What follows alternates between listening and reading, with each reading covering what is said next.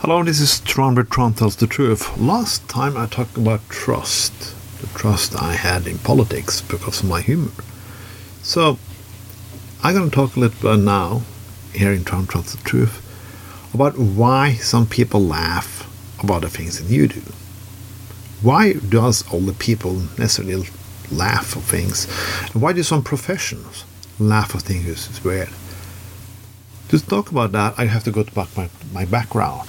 My father was a psychiatrist. He worked with people who had suicide, suicidal thoughts for over 30 years. My mother worked as a psycho- psychiatric hospital. She was a nurse. I've been working with prostitutes, violence, drug addicts, and everything. I have friends who's been to war, see people blown away into pieces, people have seen friends die. Do those people have the right to have humor? Do they have the right to laugh? And is it sometimes their humor can be a little bit weird, strange, dark, come from another place?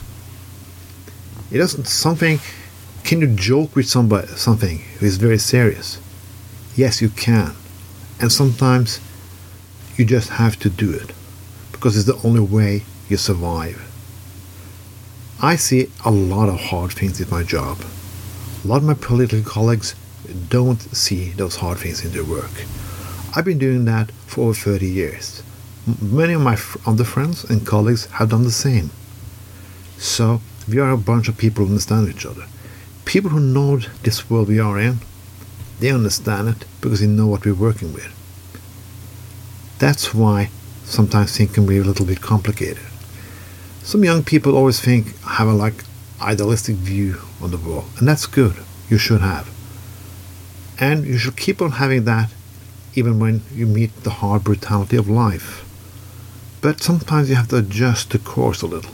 You have to understand that people who are older than you and say and act in some different ways, it's not for because they are evil, they don't know, they have not have the same knowledge. That's the knowledge they do have. That's why they act like they do. There are some things like old, older people don't prioritize as young people do. Younger people are more for liberation of gay and transgender rights or the environment and so on.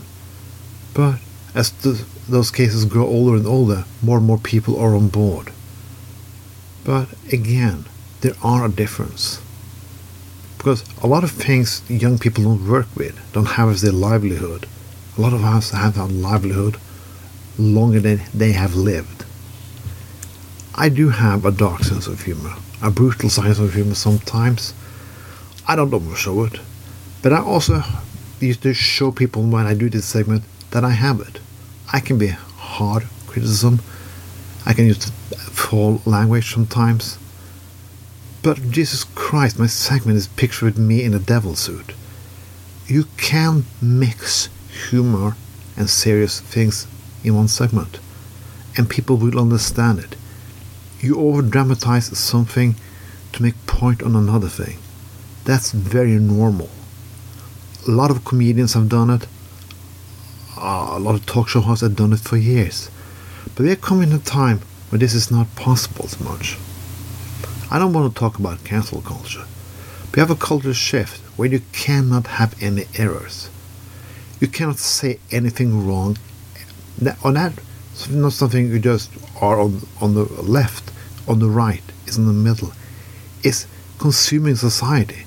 We are so fucking afraid to talk loud and do the wrong thing. And do we do the wrong thing and say the wrong thing? Sometimes we just have to go to fucking jail. I've been living so long that I'm not fucking going to jail. And I'm not fucking going to step down because somebody cannot take the fucking heat. Oh, I said fucking again? Yes, I did. Maybe my political career is over. I don't know. It looks like it. But one thing I will not have on my reputation is that I'm not loyal, that I'm harassing my colleagues, and get a lot of bullshit just because I say things in a different manner, not way that they like it. I've seen a lot of shit in politics, and sometimes those people are most behaving nicely, always saying the right things, are the biggest fucking assholes who will stab you in the back no matter what. I'm not that kind of person. I don't like to believe I'm that person. But we all done mistakes during politics. But I acknowledge the mistakes I've done. A lot of other people, they don't. No, I did not talk about my political party, some of my party members believe. I talk about politics in generally, society in generally. We have to laugh a little more. We have to take our suit and tie and be more free. Because now we are prisoners of our own our own perfectionism. Because perfect doesn't exist. We have to laugh, joke at ourselves, and joke with the others. Not humiliate just have a fucking good laugh. Because that's what we need in society. We have climate change, war, and then another war, and maybe a fucking civil war, and a fucking revolution. This was Tron with Tron Tells the Truth. Have a nice day.